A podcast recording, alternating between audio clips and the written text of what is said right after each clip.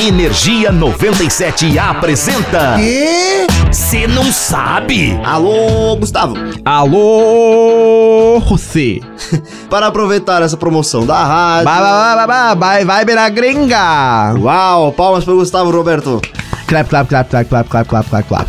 Vim aqui soltar umas curiosidades sobre a Catalunha para dar uma inspirada na galera que tá pensando em participar e viajar com nós pra lá, com tudo pago e até dar uma colada no sonar. Ô, louco, manito, você hablando desse jeito nem precisa de curiosidade pra ficar com vontade de ir? Né, mas a gente tem que trabalhar, né? Então vamos lá. Bueira. Você sabia que Barcelona é a segunda maior cidade da Espanha e que grande parte desse apelo midiático que ela tem teve como início quando sediaram os Jogos Olímpicos em 1992? Ualo, mas não é só por causa disso também, né? Barcelona tem um apelo artístico incrível. Uau, Gu, tô gostando de ver você todo conhecedor. Graças, teleprompter.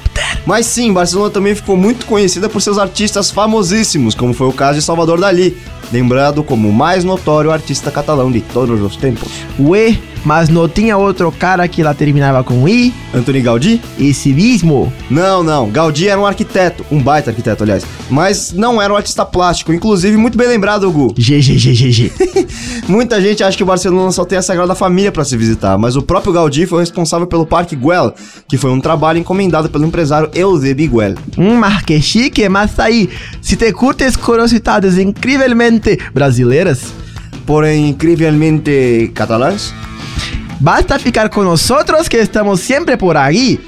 Eu sou o José Constantino E eu sou el Gustavo Favaro.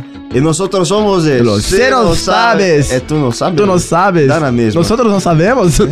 Energia 97 apresentou. Ah, já sei. O quê? Você não sabe?